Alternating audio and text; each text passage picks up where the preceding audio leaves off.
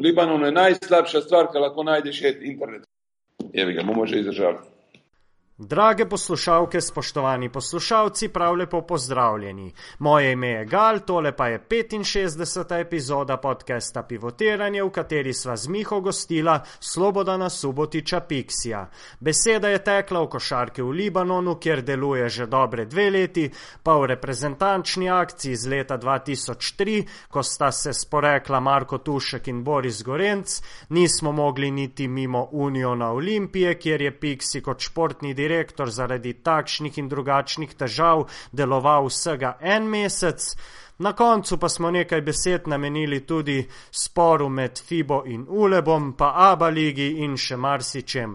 Že vnaprej se vam znova oproščam zaradi slabe internetne povezave v Bejrutu, zaradi česar smo tudi epizodo na koncu nekako prisilno končali, ampak vseeno smo prepričani, da boste izvedeli marsikaj novega in zanimivega. Zato uživajte v pogovoru.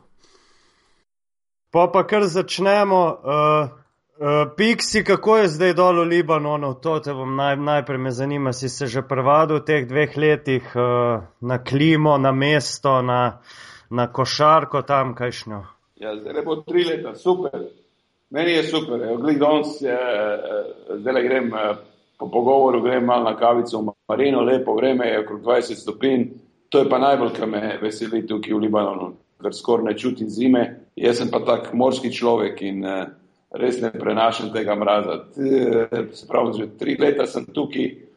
Prvo leto moram povedati, da je bilo težko, ne zaradi načina življenja ali pa zaradi mesta ali pa zaradi kjerkoli stvari, ampak da se navadi na ta način, uh, uh, na ta, ta način treniranja, na ta način njihove filozofije, mentalitete, ki je bilo zres težko in mi je bilo včasih, sem se spraševal, uh, bomo iskren po prvem mesecu treninga, kaj pa jaz tukaj delam, se ne morem nič popraviti. Ne, ampak uh, po so igralci sprejeli ta moj način in uh, moramo povedati, da so pred mano imeli enega libanonskega trenera 8 let, večina igralcev je bila, igralcev je bila z njim in je bilo zelo težko spremeniti tole mentaliteto, način razmišljanja, način igre. Ampak mislim, da smo, da smo prišli na en nivo zelo blizu evropskemu, kar smo tudi pokazali lansko leto, ko smo šli na turnir v Grčijo, ko smo igrali z grškimi ekipami in smo pokazali res dobro igro in uh, uh, pokazali so, do, dopovedal sem igralce, da se lahko ko, ko, kosajo z, tudi z evropskimi ekipami. Kakšna je ta mentaliteta, ki si omenil, a oni trenirajo enkrat na dan, ali so že prej dvakrat na dan trenirali, oziroma kako zdaj trenirate? Ne, ne, vsi so profesionalci. E, pred, preden sem jaz prišel, so trenirali e, enkrat na dan, eno uro pa pol, zdaj imamo dvojeurni trening popoldne, pa trikrat, najmanj trikrat na teden dopoledne. Uvedel sem, e, pripeljal sem tudi profesionalnega Eh, kondicijskega trenera, ki ga prej niso imeli, imeli so enega, ki je hodil samo uh, enkrat na teden, delajo v bistvu samo ogrevanje. Potem uh, v, dvorano, v dvorani niso imeli uh, pisarne za trenerja, niso imeli video session, niso imeli, niso imeli take stvari, ne da ne bi to hoteli, ampak pač prejšnji trener ni, se mu je zdelo najbrž, da to ni potrebno in uh, ni velik dal na to. In uh, zdaj sem pa jaz to mogel se spremeniti, da bi to pripelo blizu evropskemu nivoju. In mislim, da smo uspeli.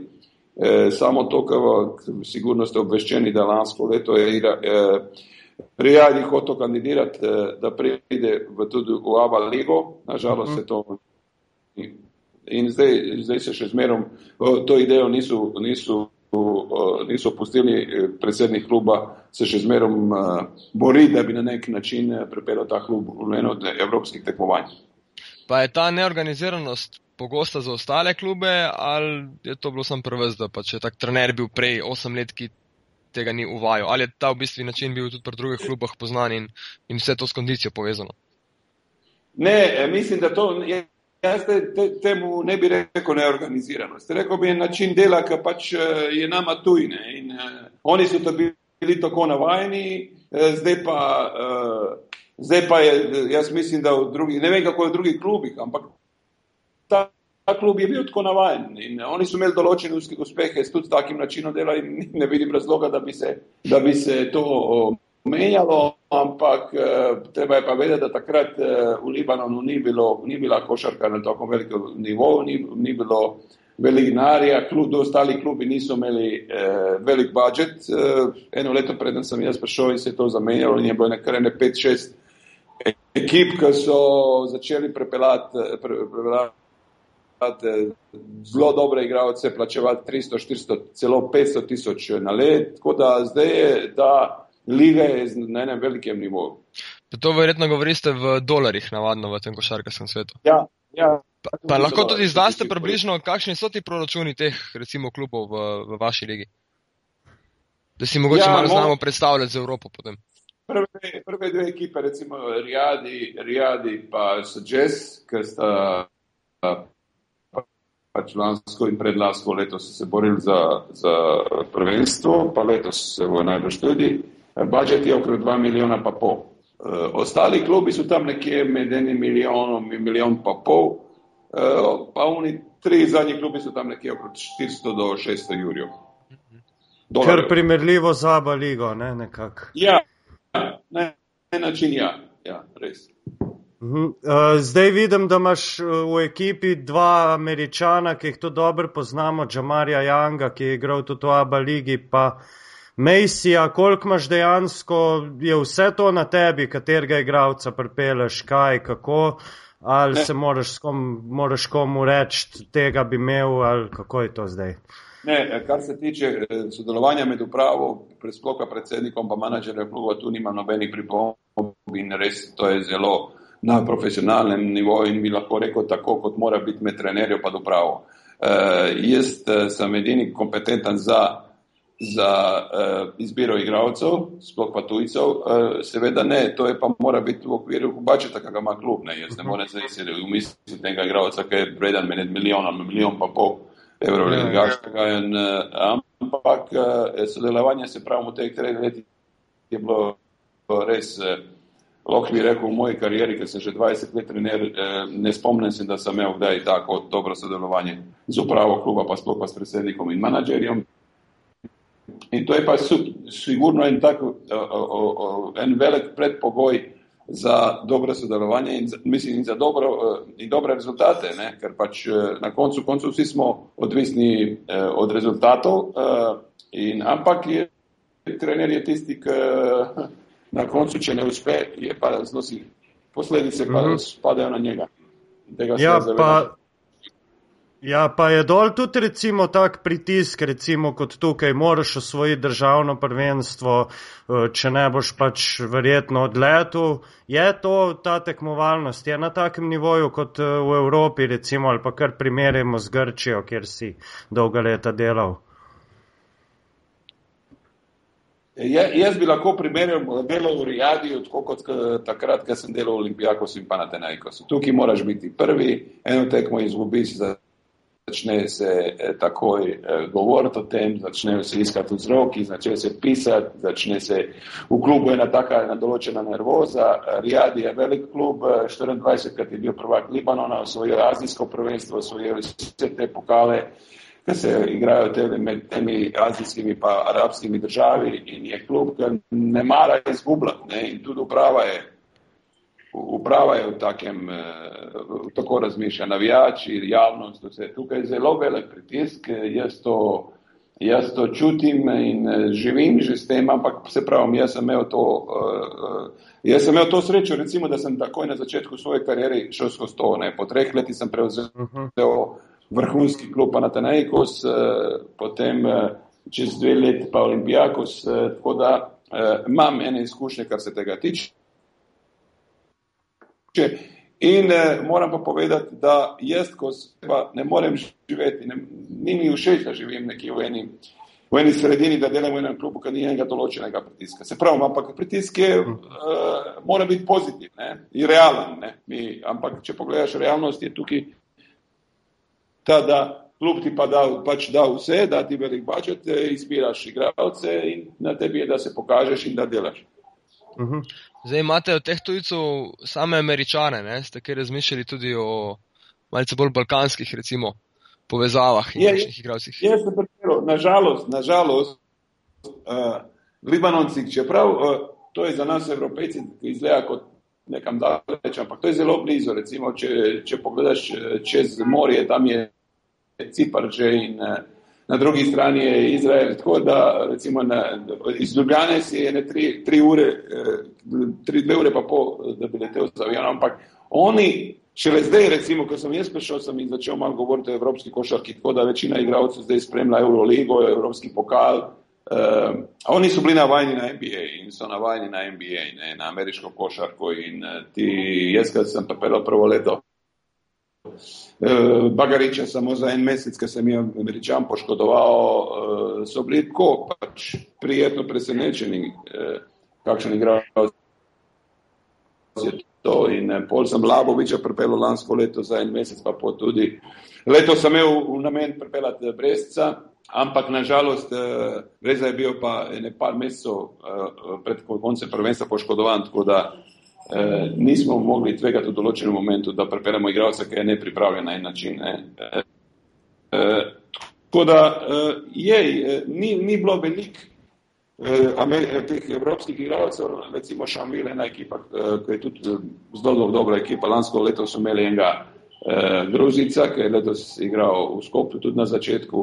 Eh, druga, eh, če ga svili, njega poznate, on je bil na začetku v, v Slovanu, uh -huh. boljše v NBA, on igra tukaj.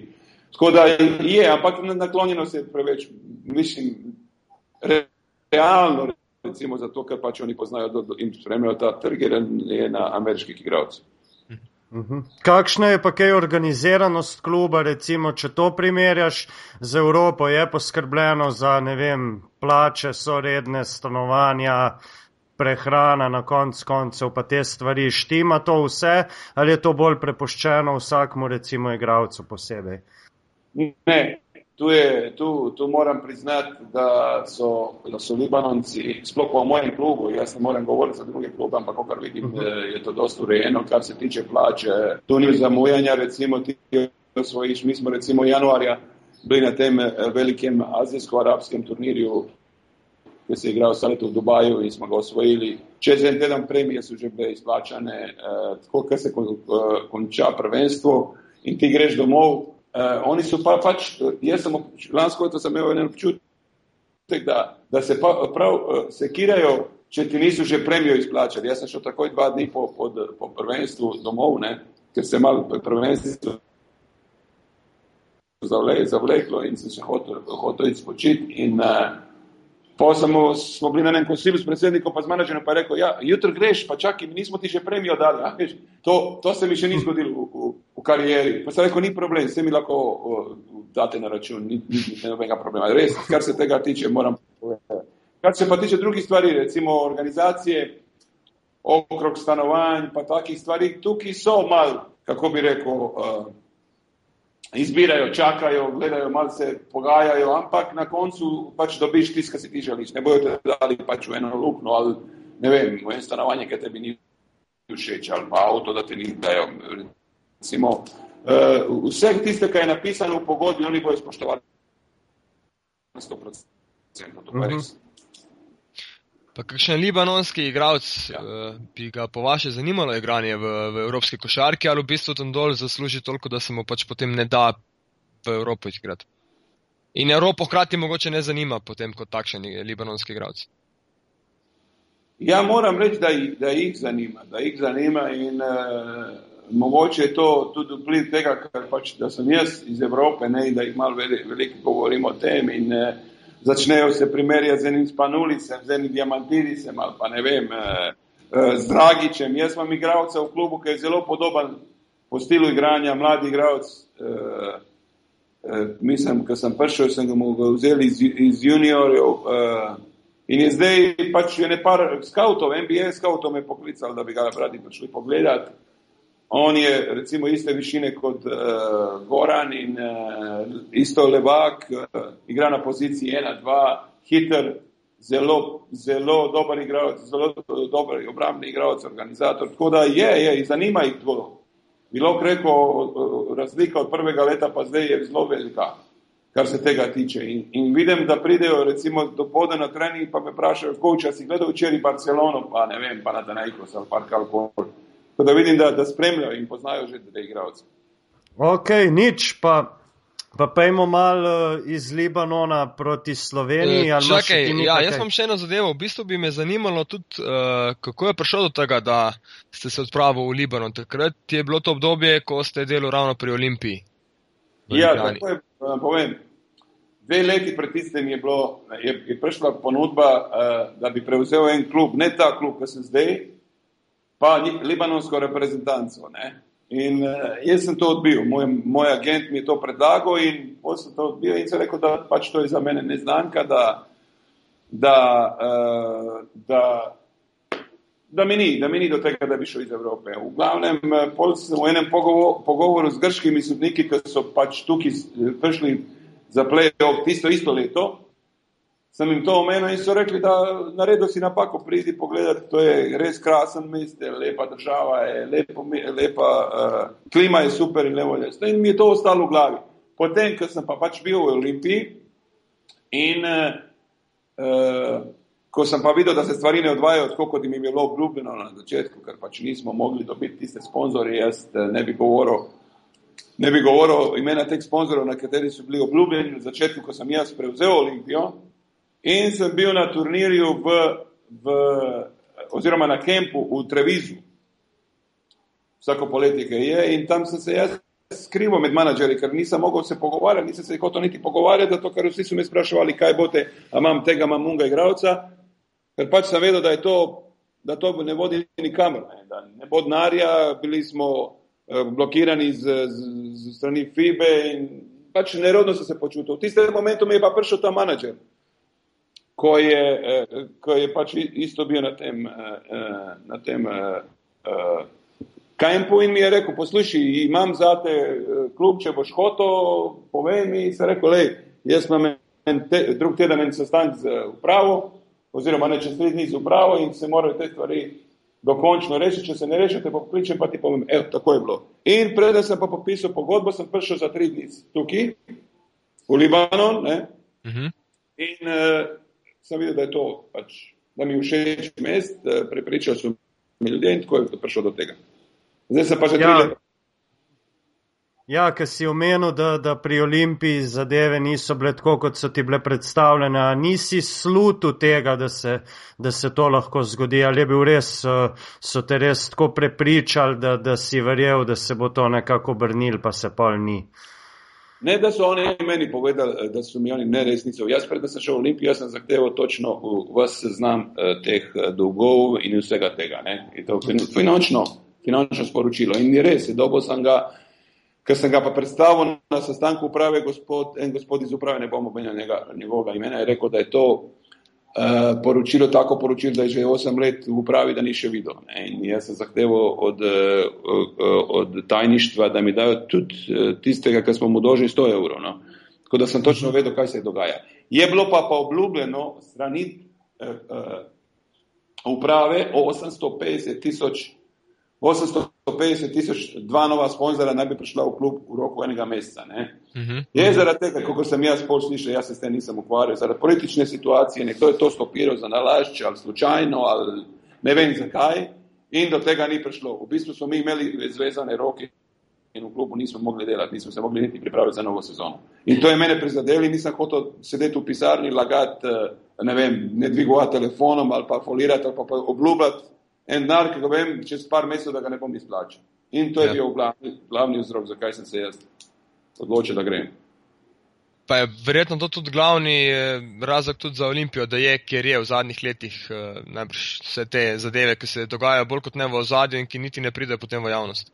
Ali še kakšne druge stvari, ki ste jih vi takrat opazili v tistih tednih mesecih? Ja, videl sem veliko stvari, res. Eh, ne, en mesec pa neki sem bil v klubu in Eh, res eh, sem se pozanimal za vsako malenkost, eh, tudi, tudi me je zanimalo, kako se hranijo, kje se hranijo, kje smo dožni, kje stanujejo igralci. Vse smo nekako na en nivo hoteli pripeljati in smo mi si pripeljali. Ampak pač tako, vse vidite, kaj se dogaja v državi. Ni denarja, če ni denarja, ti ne moreš nič narediti. To je prvi predpogoj. In eh, jaz eh, mislim, da treba reči kapo dol Olimpiji zdaj, ker se odločili za to, kar se odločili. Za 4 milijone so prišli, ne vem, na en milijon dolga, ali pa koliko je zdaj, jaz ne vem točno. In, in to je bilo pa edini, edini način, da se klub reši, ne? ker klub bi šel pol v bankroti. Ja, jaz sem bil zelo, zelo uh, razočaran na tistem zadnjem sestanku uprave, ker nekateri se niso pojavili, prva stvar, druga stvar je bilo pa to, da je, so bili tudi, ne, so bili mišljeni, naj gre klub v, v bankrot. Ker ena taka institucija kot je Olimpija ne, ne sme si tega dovoliti. Ne. Tako da uh, glavni razlog je sigurno se začel pred nami. In to se vleče že deset let, tam dolgo od 4 milijone se vleče že deset let.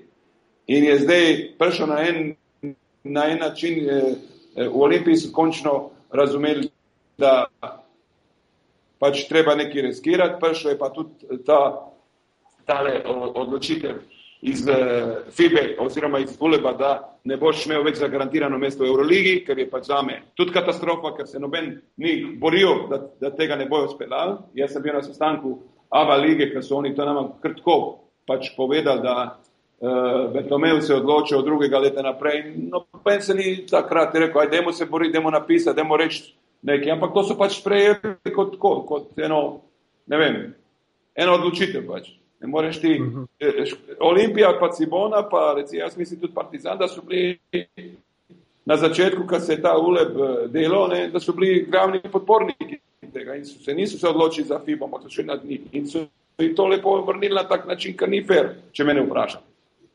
Tako da je to to. Zdaj, kar se pa dela to v Olimpiji, zdaj jaz bi pozdravil sigurno to peto mesto letos, z takim majhnim budžetom so končno razumeli, da eh, nekaj je treba žrtvovati. Uh, mislim, da so dobro odigrali v Evropi in da je ta uspeh in da to treba iti na, na, na, na tak način delati naprej. O, par mladih igralcev, kot sem videl, da so tudi pri mladincih je ne par talentov, tako da je treba, sam te fante je treba obdržati ne, in delati z njimi naprej. Ker ti je edino tako uspešno, če nimaš narje. Uhum, kaj pa ti takrat, tisti mesec, ko si bil v Olimpiji, si že kaj klical okrog, si že kaj začel delati, pa se je pol končal, ali si v bistvu čakal na, na, na ta potrditev tega budžeta, kako je bilo recimo tisti mesec, kaj si delal? Ha kaj sem delal, naredili smo kompletno reorganizacijo. Uh, jaz se no, nočem hvaliti, veš, jaz, eh, to, to lahko greš, jaz mislim, da so še zmerno te ljudi v Olimpiji, pa se pri njih lahko pozanimate. In mislim, da smo bili res na pravi poti, ker Olimpija ima ljudi so že 15-20 let sedijo v te pisarne, to so nepunce in, eh, in ostali, ker res živijo za ta klub in se borijo za ta klub. In vse vejo, tako da so bili pa zelo fair do mene in so točno vse povedali, kaj se dogaja. Jaz sem klical, jaz sem pritiskal in koliko sem lahko s svoje stranine. In, eh, rekel sem, eh, pač fanci ne bo to šlo naprej. Eh, in res, eh, ampak lej, jaz nobenemu nič ne zamerim. To pač taka situacija je bila takrat. Ne. Tri leta nazaj, politična situacija v državi, rečemo temu ali karkoli, ali pa kontra med enim in drugim. Glik takrat župan Jankovič, je meni se zdi, da je bil, da se kandidiral tudi za za predsednika oziroma za predsednika vlade, ja, premijeja. Ja. Da bo prišel vlado in to je bilo, ja, to, je bilo to so bile same kontre. Jaz nisem hotel v tem sodelovati, ker mene politika ne zanima. Jaz nisem človek iz politike, jaz sem človek iz športa in, in sem videl, da bo tudi, tudi zelo težko delati. Ne. To je bilo res. Uh, uh, oni meni verjetno niso hoteli vsega povedati, nekateri člani uprave pa reči predsednik Medorendorfa, ker ni, ni hotel mene spuščati v te, v te zadeve. Ampak je bilo očitno, da so bile neke velike kontre. Neke velike kontre. Jaz sem tudi slišal eno izjave, da, da je en velik politik rekel, ker je bila njegova vlada, na, ker je bil predsednik vlade, rekel, da ta klub je treba ugasniti. To je bilo, ne vem, če je to res in to so razne govorice, ampak je katastrofa za Olimpijo. Kaj, kaj ima ljubljanska, ljubljanska publika za gledati? Ma 13 tisoč ljudi v Euroligi tri leta nazaj najbolj organizirana, eh, dobili so priznanje za najbolj organizirano publiko in eh, ekipo in vse to, in to je treba ugasiti. To je kat, zame katastrofa.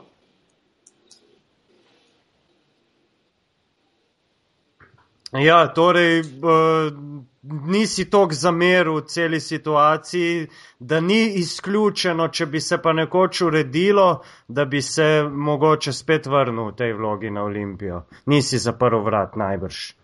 Le, veš kako, jaz ne vem, kako bo to zdaj zvenelo do, do ljudi pa do navijačev. Jaz imam dva kluba, ki imam v srcu v življenju. Ne? Delo sem pa v desetih. E, to sta Olimpija, ki, mi dala, ki mi je dala priložnost, da se dokažem kot uh, mladi košarkaš, ki je prišel s 17 leti v Ljubljano. In, in Aris, ki so. In Aris. Ja.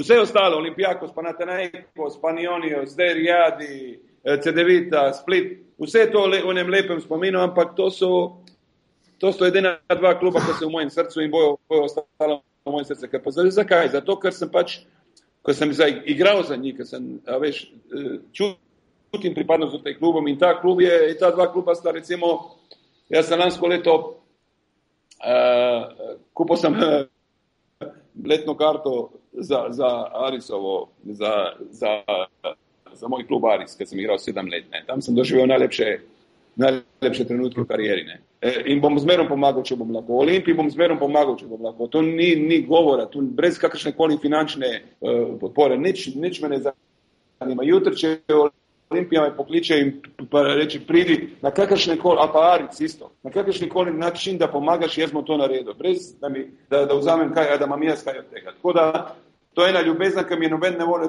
potrgati. Leko en reče, da, da sem tak, enak, ampak to je v meni in to, in to bo zmerom ostalo.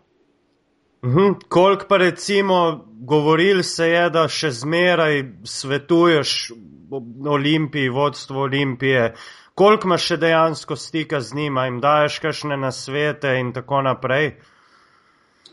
E, na svete jaz ne morem dajati, ker ni fair, da jaz dajem, da se zdaj delam pametnega, ko sem pač e, odzuni. Imam pa stike z Olimpijo, z predsednikom Moderadolfena se slišimo včasih, e, z direktorom Zupančičem, Aleš Pipan je moj velik prijatelj je bil trener do en mesec nazaj, tudi Memi Bečirevič je moj prijatelj. E, e, z ostalimi se pa ne, ne slišim, ko pridem v Ljubljano e, polet, gremo na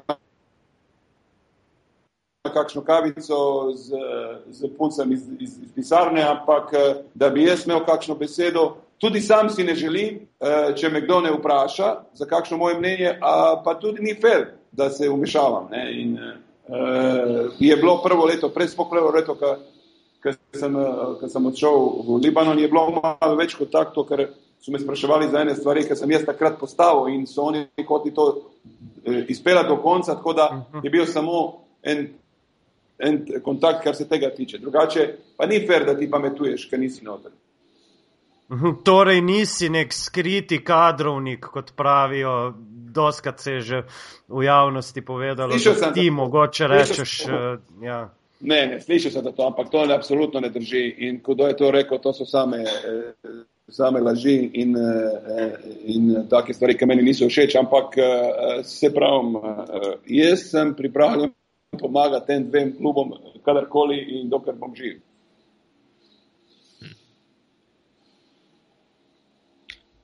Uh, dobro, če še ostanemo mal pri ABA ligi, kako ste kaj zadovoljni, oziroma kako ste videli tale razplet zdaj tega prvega dela oziroma rednega dela sezone pred končnico.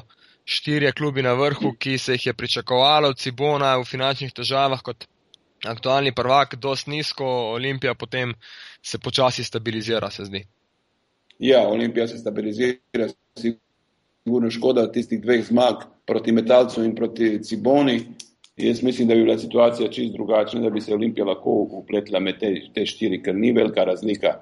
Recimo za me je mogoče zvezda bila en razred za se letos, ostale vse ekipe so se lahko od, od drugega mesta pa do, do tam enega sedmega, osmega bi se lahko borile, da pridejo med štiri. Partizan ni več to, kot je bil včasih.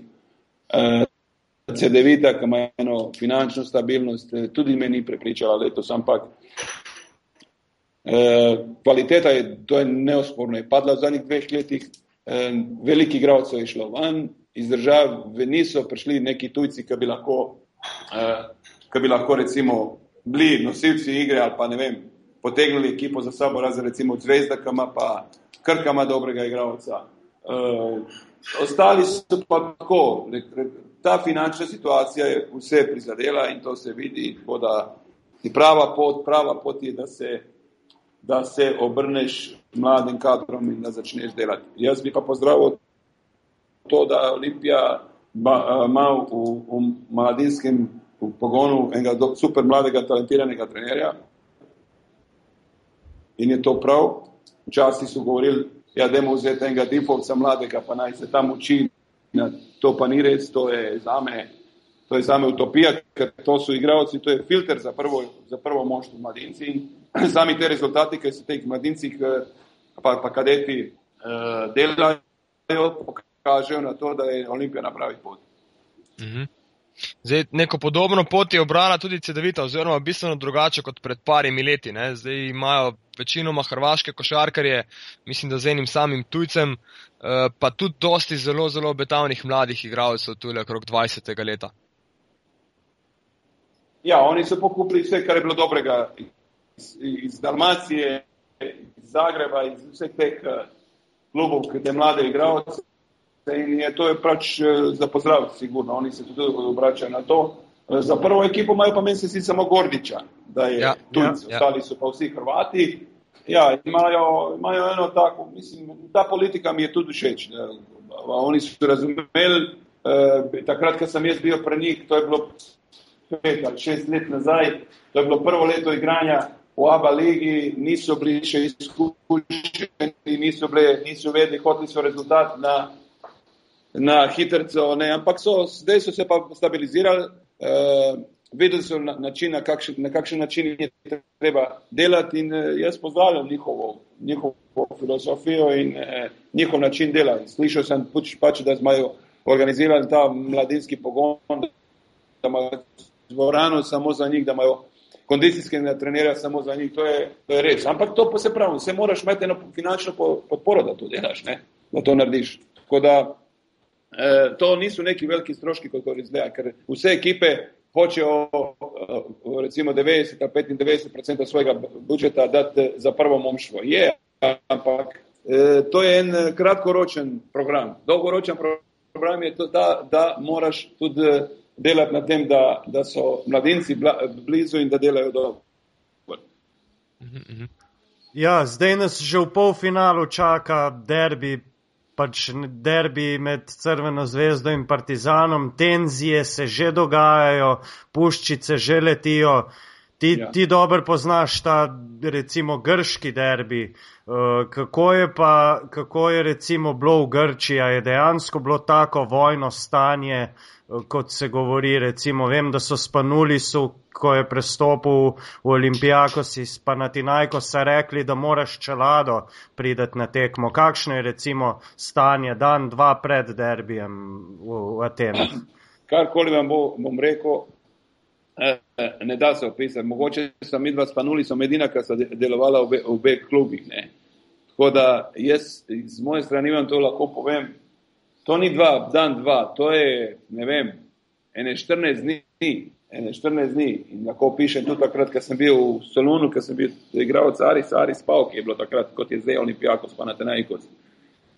Ti se ne moreš nekje pojavil, tam prva stvar ne greš eh, v Pirej, Olimpija, pa na Tanejko so navijači, pa igralec ne gre v Pirej, tam so Olimpijakosovi, pa Olimpijakos ne gre v, v, v, v kvarti, kaj stanujejo ali pa živijo. Deli navijači pa na Tanejko. Druga stvar je pa to, ko prideš v dvorano, jaz sem povem, da imam še danes eh, pet šivov na glavi od užigalnika, ki mi je padal na tekmi na glavo in so mi odprli glavo.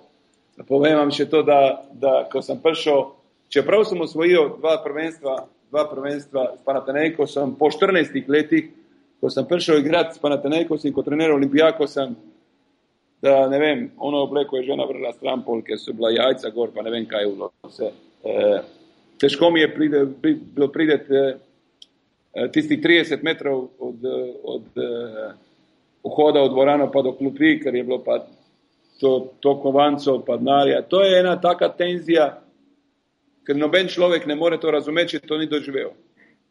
Ne, in in, in, in ker sem se pogovarjal z Dino Rađo, ki je pač tudi igral za dva kluba, oba dva, ne, za Olimpijako sem popanate na Ekosu in je rekel, posluši, takrat sem takrat sem bil jezen, takrat sem pač eh, hotel pobiti vse une, ampak eh, veš, da bi rad še enkrat to doživel. Ne? Pa, pa veš, kaj moraš pa razumeti, tudi jezik, ker, eh, ker navijači, ki pridejo v dvorano, oni že, že doma pa ne vem, v klubu že naredijo tako eno pesem in začnejo, ne vem, proti trenerju, proti igralcem pet. Spanuli se pa polnoma razumem. Ne? Kaj je on preživel in še zmerom preživlja in bo še preživel, dokler bo igral. To nima nobene veze partizan, partizan, partizan eh, zvezda. Čeprav tenzije so ogromne, to, to sem še videl na televiziji, enkrat sem bil tudi v dvorani pred parimi leti, ampak to je zdaj pa, pa na tenejkos, olimpijakos ali pa včasih Aris, pa to se ne da besedam opisati. Pa ste imeli kakšno težavo, ko ste pristopili v Olimpijakos, najprej z navijači, v bistvu Olimpijakosa, glede na to, da ste pred leti ja, premagovali z zelenim dresom? Ja. Ja, Ja, nima sem vzel ta primat, ne. nima smo vzeli ta primat, ker oni so bili deset let prvaki, pa sem jaz prišel pa na ta nekaj, smo, smo mi vzeli to. Uh, ja, sem imel težavo, ampak na srečo je bilo hiter, čez en mesec je bilo prvenstvo, uh, tale grški pokal in smo premagali pa na ta nekaj, in smo ga vzeli, grški pokal in pol je bilo pa vse lažje. Uh -huh. Se je kar dosmiselno, navadno so rezultati tisti, ki potem obrnejo tudi navijače Tako. proti ali za trenerja. Ne, Tako, ja. Tako, tako. Nažalost, mi smo trenerji tako dođeni na to, da si pač, če ekipa zmaguje, zmaguje, zmagujejo igravci, če ekipa izgublja, izgubuje trener. Tako da, če pa ne moreš tem živeti, boš da se ne ukvarja s tem poslom. Jaz sem pa že 20 let v tem in sem se navadil na to. Kot imam jaz v mislih, ste imeli v Olimpijakosu eno dost še večjo vlogo kot sam trener. No? Ni bilo tako ja. tudi nek Športni menedžer, direktor, varianta, ja, ja menedžer. Ja. Ja, ja, menedžer. To mi je predsednik, ki je pač eh, hotel zamenjati celotno, celotni tim, štab, ko sem jaz, eh, to je bilo drugo leto, ne, jaz sem prišel januarja v ekipo in smo takrat eh, do konca sezone smo imeli ta pokal in pol sem podpisal pogodbo za za dve leti in je predsednik me poklical enkrat v dvorano, v njegovo pisarno in rekel, poslušaj, jaz hočem, da ti prevzameš to po vzoru na NBA, hoče, da si prvi menedžer, pa trener v,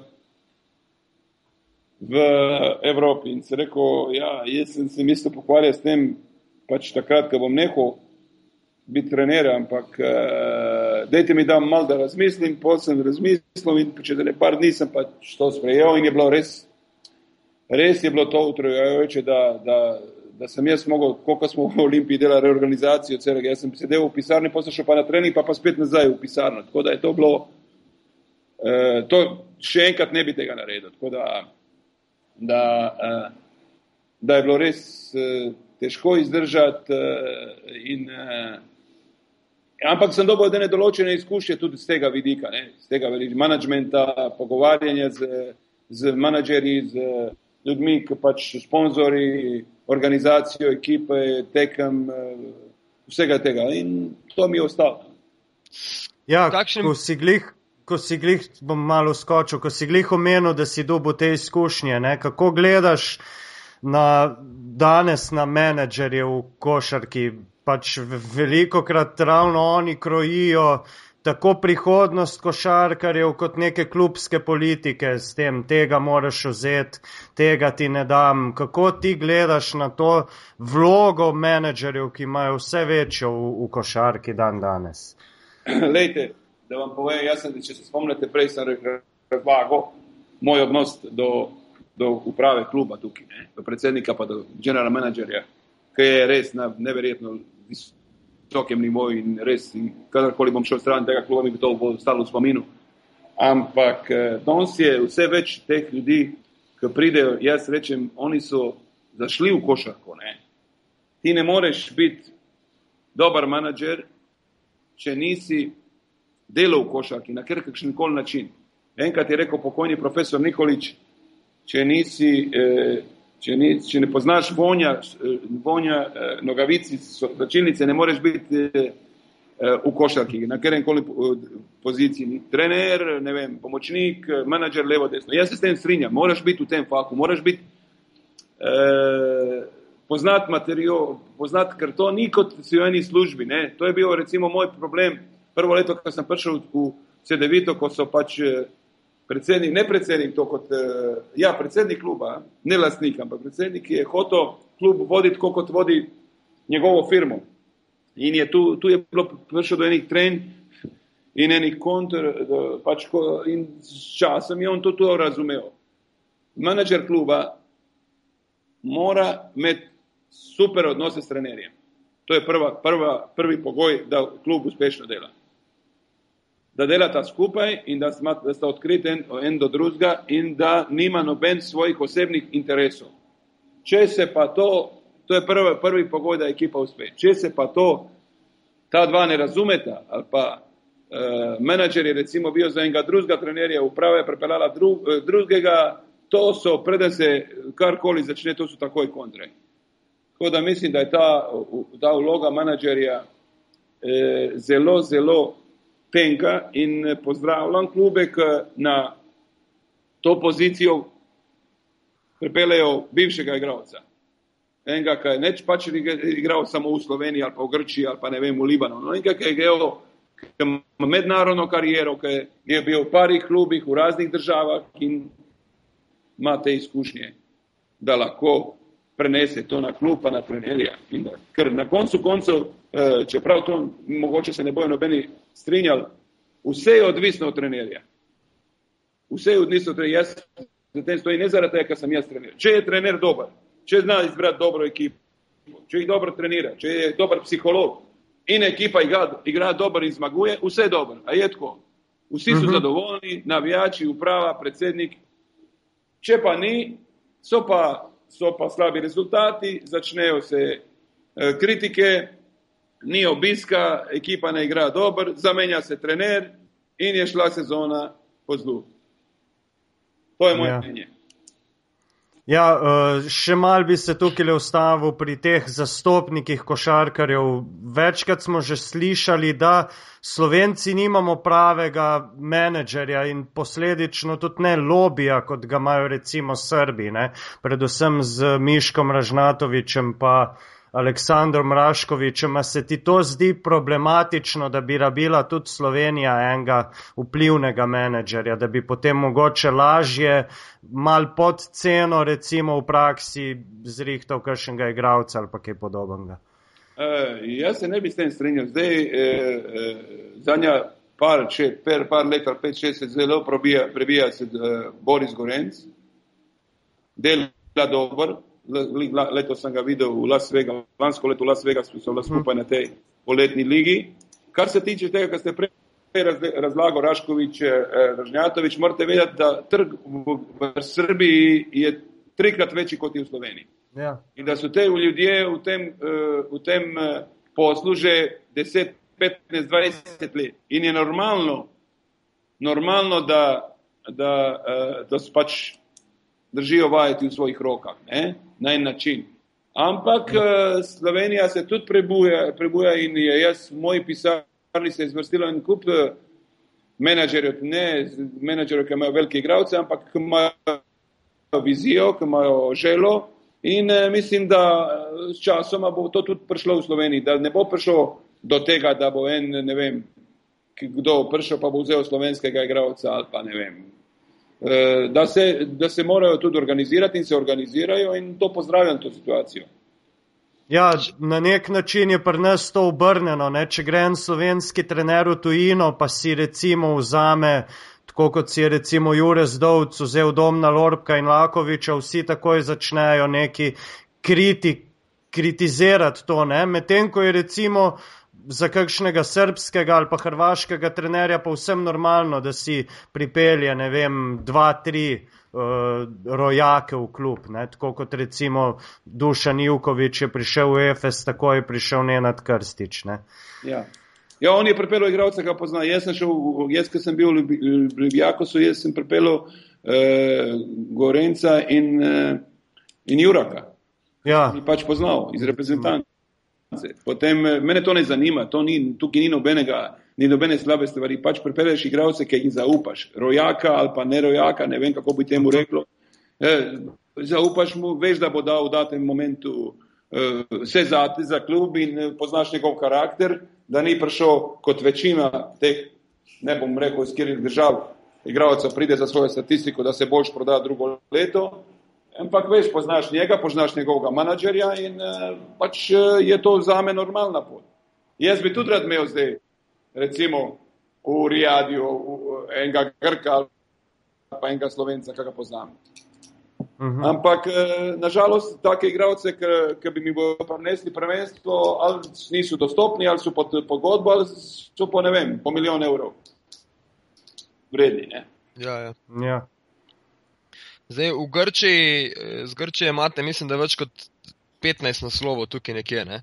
z grškimi klubi no? in pokalnih državnih naslovov, tudi evropskega.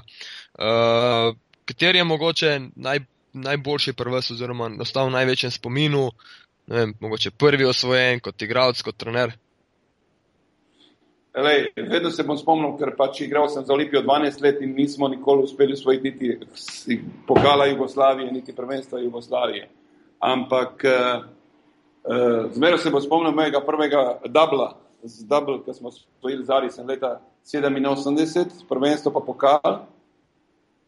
To mi je ostalo spomin kot igralec. Potem kot uh, trener moram povedati, da sta, da sta dva prvenstva, dva pokala uh, v, tako, pri srcu. Prvi je sigurno leta 97, ko smo, ko smo z Arisem osvojili ta korače pokal, to recimo to bi bil danes, danes stale uh, Eurocup. Eurocup, ja. Ja, in uh, takrat se je še igralo ena tekma doma, ena tekma od zunaj, na finale izločili smo uh, zelo dobre ekipe v polfinalu, smo izločili takrat, uh, pa nismo imeli, do, do finala nismo imeli prednost, do, do finala nismo sploh imeli prednost druge tekme, da igramo doma, ampak vsaki smo igrali prvo doma, drugo zunaj. In izločili smo Peristeri, takrat zelo močno ekipo iz Beobanka, iz, iz, iz uh, Beograda, potem je bil francoski Šilon, pol je bila pa uh, Benetton Treviso, z Rebračo pa De Antoni je bil trener v polfinalu.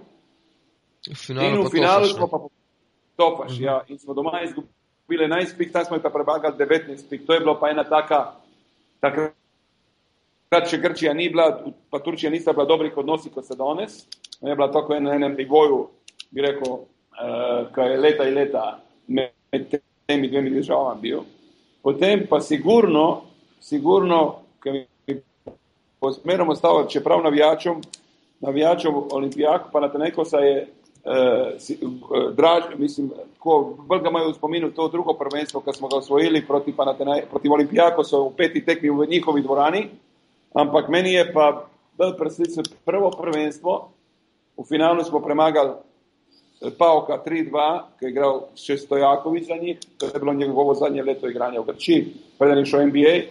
Eh, zato, ker pač to zmago, s, to, s tem pokalom smo razbili to 14-letno 14 uh, ta post brez, brez uh, prvenstva in smo izgubili na način od, odgnali to, ta loser mentality, ki jaz rečem, iz kluba, iz, iz posod, iz vlačilnic in med navijači, med upravo, med vsem. Meni je bil ta, tam je bilo ostalo vse. Čeprav prav se prav, pa navijači, pa, pa na tenajko so še danes mi pošiljajo kakšne slike ali pa video zunega drugega, zune druge tekme, pete tekme v, v Pirejasu, ki smo jih premagali v njihovi dvorani.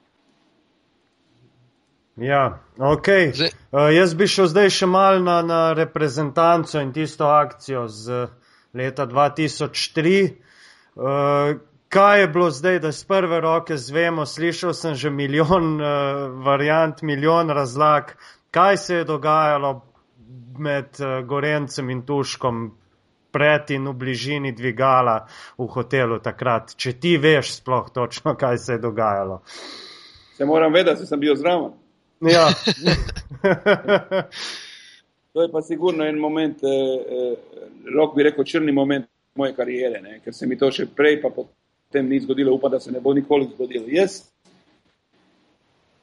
jaz moram povedati malo background tega dogajanja. Jaz nisem poznal odnose v reprezentanci. Jaz sem bil v Grčiji, eh, prevzel sem reprezentancov eh, takrat, eh, pač dol sem delal, prši smo samo na pripravi, smo se videli, nisem poznal, da ta dva, nisem niti znal, da ta dva fanta med sabo ne govorita. Res. Aha. Da sta imela prej ene, ene kontre, ene, ne vem, ne vem, tveganja, nista govorila levo desno. In to se je zgodilo, mi smo sedeli uh, za eno mizo, igravci pa mogoče 10 metrov stran. Uh, vsi skupaj, kar naenkrat sem, sem slišal neko upetje, neka Coca-Cola je letela po zraku in uh, sem videl, da je eden od njih šel proti liftu. In uh, par igralcev z njim, jaz mislim, da je bil Marijo Kraljevič in tam je hotel neki pomiriti. Uh, pol je pa drugi igralec, vstal pa je šel proti njemu in tam, ker se je čakal lift, to je bilo recimo mogoče pet metrov tudi od mene, jaz sem to gledal in smo ostali vsi cel, da so se, to je bilo 20 ljudi okrog na kar naenkrat. Se mislim, da so tudi francozi bili, niso bili takrat tam v restauraciji. Francozi pa izraelci, v isti, v isti. Mi so pa z njimi igrali zvečer. In uh, uh, tako da to je bilo res malo mučno pogledati. Ne? In jaz sem takrat zahteval, da, da morate oba dva iti, ker pač čeni se niso strinjali s tem.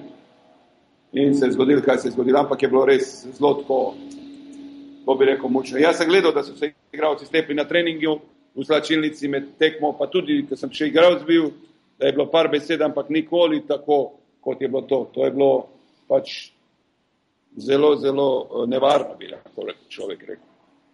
Mhm. Potem so pa Izraelci vas oziroma Slovenijo premagali s tistim košem Tako. zadnjim. Ne?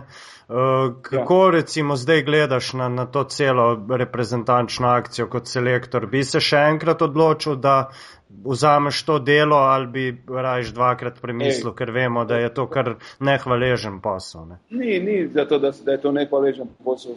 Stvari so bile takrat, eh, kot jaz zdaj spremem reprezentacijo, niso bile urejene, kot so zdaj, reprezentanca zadnja leta dela na eh, profesionalnem nivoju.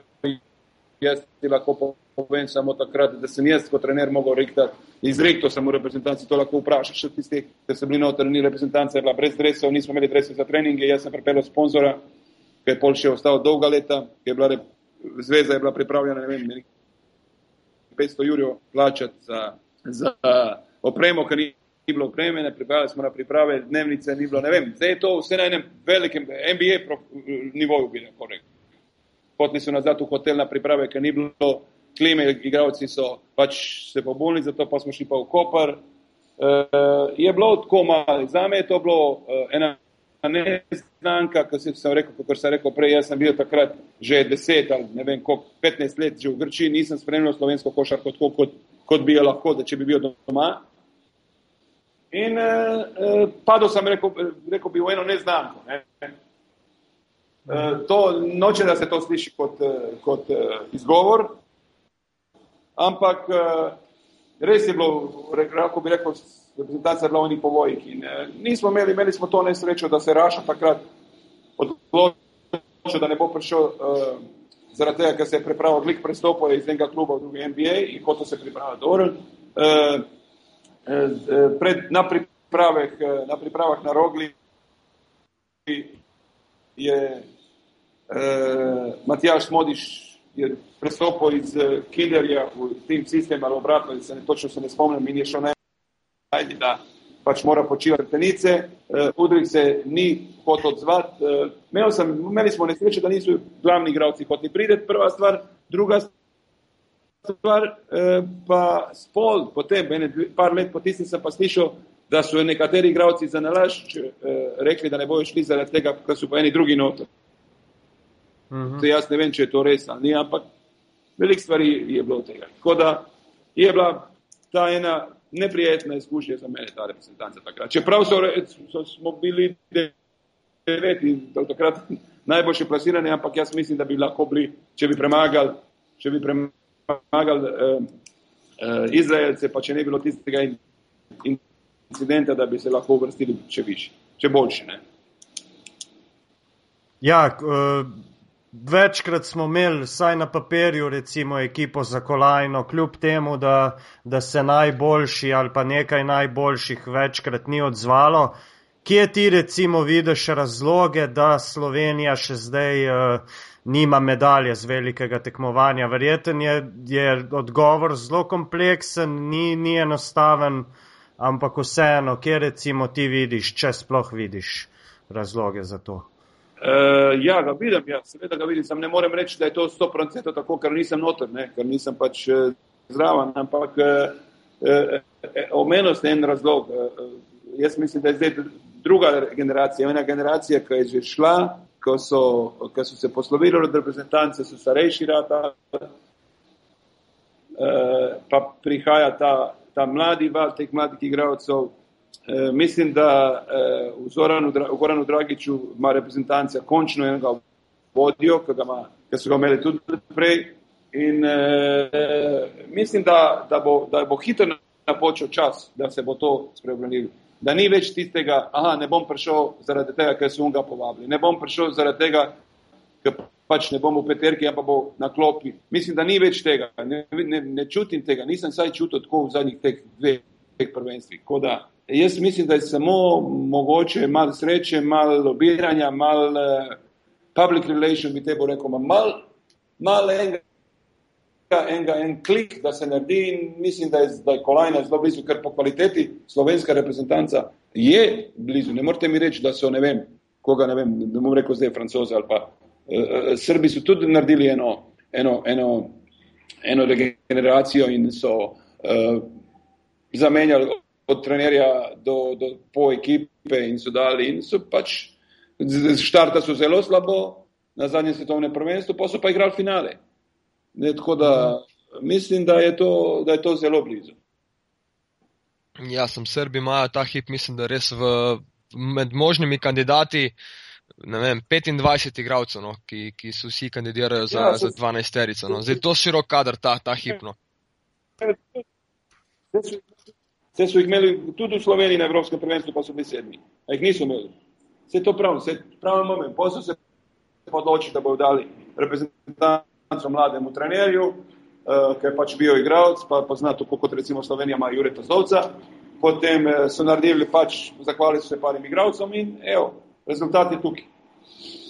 Ni mus, ni mus da imaš zmerom najboljše igralce, pa da boš neki. Se se spomnite, kaj je Turčija naredila? uh, v Sloveniji. Imela tri NBA igralce noter. Če se prav ja. spomnim. Ja, ja, sem. Ja. Turki so, mislim, da že po mentaliteti takšni, da navadno na domačem terenu pokažejo več kot na ja. gostovanjih. No. ja, ja. Vem, ej, ampak uh, pač jih treba narediti uh, en, eno, eno zamenjavo je treba narediti. Ne. Se pravi, jaz pozdravljam to, kar dela reprezentanca in zdaj pozdravljam to, kar so pripeljali uh, Šota, ker on je res uh, persona, ki pač svojo, samo svojo pojavo bo lahko spremeni veliko stvari, delajo pa res profesionalno, res profesionalno, kot je bilo treba v moji časi, tega ni bilo. In uh, je pa generacija, ki pač jo jaz spremljam zdaj, gre za njim, sem gledal Krka, Krka Olimpija, pa par tekem slovenskih teh klubov na televiziji, ki imam pač lovim te slovenske programe, je, v zadnji so pari, so, so ena taka dobra generacija. Mladih fantov, žejnih, lačnih, ki bi lahko, uh, pa ni mu, da imaš 25, kot ste vi rekli, imaš deset dobrih, ta pravih in boš osvojil vse. Kako mogoče vidite zdaj ta spor oziroma to mešavanje FIBE spet v, v ULEP in uh, Euroliga gor in dol, zaprt sistem Eurolige. Prej se že omenil malce, da je pač Slovenija tudi zgubila na nek način svojega predstavnika oziroma da se lahko vrsti samo potom ABA lige. Uh, zdaj se FIBA pojavlja z nekimi svojimi idejami. Mislim, da Turkish Airlines in Beko ne bosta več sponzorja Euroliga oziroma pogodba poteče. Tako da se zna zadeve malce tudi na trgu zdaj spremeniti. Uh, FIBO vodi tudi Turk. Uh, mislite, da je to zdaj samo streljanje slepimi naboji strani FIBE ali imajo kakšnega asa še v rokavu? Imajo, imajo, poznam, poznam situacijo, pa ne bom govoril kako. Zelo dobro sem obveščen. Uh, mislim, da Uleb je pač naredil je, naredil je par napak. Ne moreš ti eno, eno, eno ekipo, jaz ne bom govoril, recimo za, za, za govorimo za Cibono, da ne bom zdaj skozi Olimpijo govoril, ampak ne moreš ti eno Cibono kar na en, način vršiti po ven, pa reči, da ne boš igral in daš eno grško, turško ekipo, ki ima 3500 gledalcev na tekmi ali ne vem kaj. Pa, pa takrat, ko se je tale ule Liga, ustanavlja, pač borila, da bo prevzela primat od FIBE. Cibona je bila pa med prvimi, ki so, ki so šli na njihovo stran. Se spomnite takrat, ko so bile ja. še dve Eurolige ne, na ja. začetku. Ja. Superliga pa je Euroliga. To ni fair, to ni fair. In, tako, in to ni fair. In, in je, to je nekje normalno, da, da, da pač tako reagirajo. Ne, da klubi tako reagirajo in da eni klubi hočejo prideti in so se verjetno tudi obrnili na FIBO. In FIBA kot uh, glavni organizator leta in leta, takrat so rekli, ko je, ko je Stankovič šel proti pokoju, da, da so pa izgubili ta primat, uh, hočejo priti nazaj in je to nekje normalno. Jaz bi, mislil, jaz bi bil najraš videl, da bi se vsedli za isto mizo, pa da bi najdli skupen program in naredili skupen program, da so skupaj vsi. Ampak to, do tega zelo težko pride. In se spet tukaj vračamo na finance, tako kot ste prej rekel, uh, Turkish Airlines, Beko in, in tukaj se spet vse začne, ne pred nari. Uh mhm. -huh. Eh, tukaj ima tudi vlogo nekakšna ABA liga, na katero se je FIBA najprej uh, na nek način spravila, ker je na nek način mislila, da je to šipka točka uleba. Uh, a ti piksi podpiraš ABA ligo v takem formatu, ki je zdaj, da ona daje, recimo skozi njo se edino lahko vrstiš v Evropo, domača tekmovanja praktično ne štejejo več, le prestiž. Eh, podpiraš to ali bi mogoče spet dal večjo vrednost domačim tekmovanjem ali pa karkoli drugega uh, bi spremenil ali je to zdaj na nek način v redu ureditev? Sama Aba Liga kot Aba Liga je meni všeč. To je v bistvu Jugoslovanska liga. Ne maram tistih Mačarov, uh, uh, ki so bili, pa ne vem kdo še, uh, Bolgari. Ne da jih ne maram, kot kot narod, ampak ne maram pač tuj, tujcev noter. Ne. To bi mogla biti uh mhm. -huh. cele, bi, bi, bivša Jugoslovanska liga, ampak eh, tukaj smo spet prednari, ne. oni potrebujejo enega, da bo noter prišel z wildcard, da bo prenesel denar. E, kot, kot samo ligo je pozdravljen 100%. Igral sem to ligo tri leta, ko sem bil pač na Hrvaškem in je res res dobra, uh, v glavnem, ampak uh, ne, pa pozdrav, ne pozdravljam pa to, to, kar so zdaj naredili v zadnjih eh, dveh ali treh letih, da samo prvi gre v Euroligo, drugi skozi kvalifikacije, uh, da v bistvu domače prvenstvo, domače tekmovanje, nič, v bistvu nič ni vredno, to pa ne pozdravljam. Tu bi se pa mogel na, no, na neki no, nekega no, novega narediti. Ker kaj se bo zgodilo? Zakaj letos je bila samo zvezda ne, v Euroligi? Kaj potrebujete vi imeli enega predsednika ali en klub, ki bo naredil konkurenčno ekipo za Euroligo, recimo porabo 2 milijona, pa pol, 3 milijona, pa pol, šel skozi kvalifikacije in se ne bo kvalificiral v Euroligo. Kaj bo pa naredil takrat? Se noben ni naumen. Se klubi en za drugim eh, eh, odpovedujejo tole, te kvalifikacije. Se noben ja, ni naumen, da bo dal to denarja, pa bo pa igral v Evropski pokal. Ja, ker možnost ni najboljša preko kvalifikacij. Ne? Samo eden izmed osmih v, v se pravi, turnirskem ja. sistemu v štirih dneh. Mislim, tudi v lanski sezoni je Himki na tak način, recimo, uh, pač Tako, ja. ni uspel. Ja, sam Himki ima never ending money. Ja, Oni imajo ja. never ending money, to pa se recimo ena ekipa iz teh prostorov ne bo upala. Mislim, ne bo, ne bo šla v to, jaz vem Pavok, vem Aris dve let nazaj. Jaz sem bil v Arisu takrat, štiri leta nazaj mi smo, mi smo imeli šanso, da gremo v Euroligo kvalifikacije. Je rekel predsednik, poslušaj, pa kdo mi pa to garantira? Prva stvar, nimam tog denarja, da plačam to kotizacijo, da bo v mojih dvorani. Tog nimam denarja. Če bom pa dal milijon pa pol, dva, kdo mi pa garantira, da se bo rekel? Ne bom se, yeah. Ja. pa decembra meseca ne bom imel več za plače za igralce. Pa če do spozno so te kvalifikacije, tik, tik pred sezono v bistvu. Ja, greš s tem, res. Ja, se zdaj so jih itak, mislim, da ukinili, tako ja. da bomo videli, komu bojo dali to mesto, ki je, ki je skozi kvalifikacije vodilo naprej. Pa bi se jaz še mal vrnil na reprezentanco z enim vprašanjem. Uh, Piksi se tebi zdijo obiski reprezentantov, tako kot to počne naša zveza, uh, primerni oziroma potrebni, Smiselni, ja. sploh teh igralcev, smiselni, ja, sploh teh igralcev, ki, ki so nekako že prepričani, da bodo igrali oziroma kakorkoli. Uh, kako ti gledaš na te obiske, so potrebni ali ne?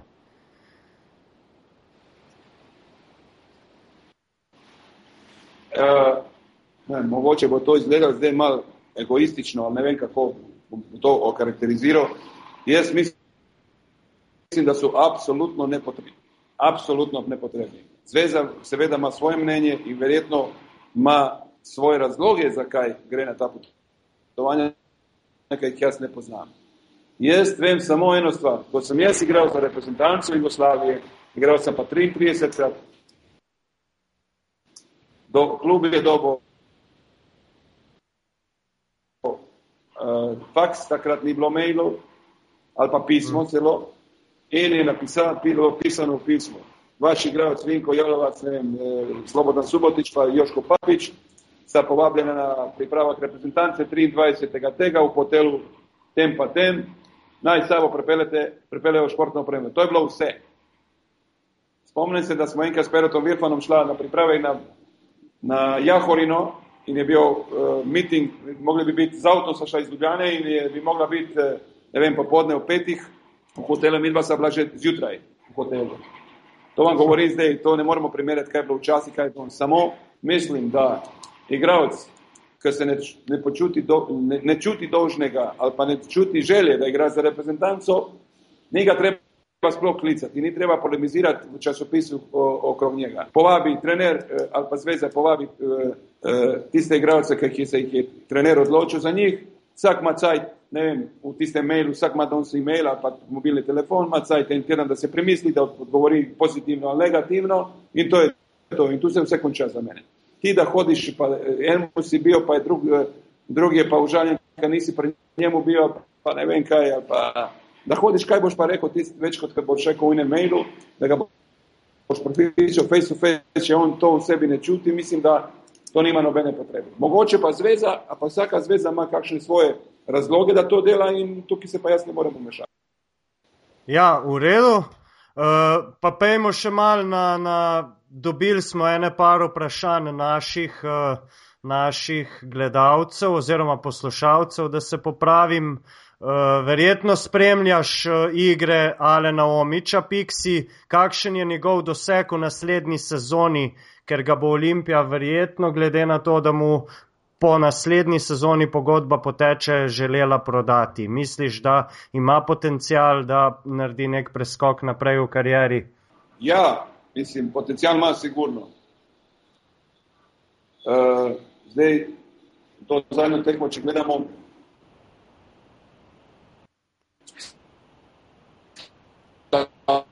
tako je igro bi šel kot tako v NBA. Jaz upam, da bo tako nadaljeval. Uh, Toroga Olimpije je bil, da je, mora delati malo na sebi, sigurno, da je definitivno na svoji, na, na svoji koncentraciji, da jaz se prav, prav zanima me, kako bo naslednjo tekmo odigral.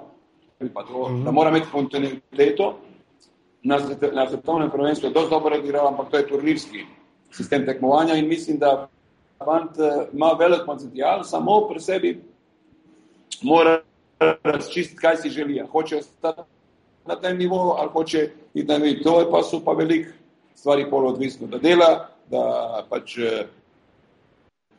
napreduje, da vloži malo v sebe, da ne vem, poleg, da ne gre ta kon, kontinuiteta. On odigra eno tekmo fenomenalno popade dve ali tri tekme, ga nikjer ni. Pa je živčen, pa ne vem, eh, eh, ni, nič mu ni, ne gre, koliko bi on hotel. Eh, pa se ti zdi, da se mladi košarkari pri Olimpiji v zadnjih letih dobro razvijajo, grejo po nekih poteh ali ne? Mislim, da Pavlo Marinelli za zdaj niti ni še dobo prave priložnosti. Se slišmo? Halo? Malo je ven vrglo. ja, padlo je, padlo je zveza. Aha. Aha. Se slišmo? Halo. Ja. se slišmo? Ja, ja, zdaj se slišmo, ja. Ja, jaz mislim, tebe se zelo, zelo slabo sliši, tako da najboljš, da se kar, da kar končamo z, z pozdravom, pa je to to, mislim, da smo se kar lepo in veliko pogovorili. Ja, z, z, da- s predlogom, da se še slišimo čez kakšen, mogoče ob koncu sezone. No. ja jaz bom enkrat eh, po 20. maju v Ljubljano, pa se lahko da vidimo na rekavici, pa bo boljš, boljša veza bo. Ja, Absolutno. odlično. Ja. Uh, Piksi, najlepša hvala za, za čas, pa veliko uspehov dol v Libanonu, pa sončnega vremena tudi. Seveda. Ja, pa, Ok, Hvala lepa. lep dan. Tako, tole je bil Pixi, s katerim se bomo znova srečali v mesecu maju o povratku v Slovenijo. Podcast Pivotiranje je del mreže Apparatus. To mrežo lahko na trikrat dvojni veaparatus.si poševnica podpri tudi podprete, finančno seveda. Pivotiranje ima svoj profil na Facebooku in Twitterju, kjer nam lahko podate kakršno koli opasko, pripombo, pozitivno ali negativno, veseli bomo vsake ocene v iTunes. Mene najdete na Twitterju pod Afna Zbale z dvema L, Miha je na Twitterju Afna Penkalis. To bi bilo pa za danes tudi vse. Lep pozdrav, do naslednjič.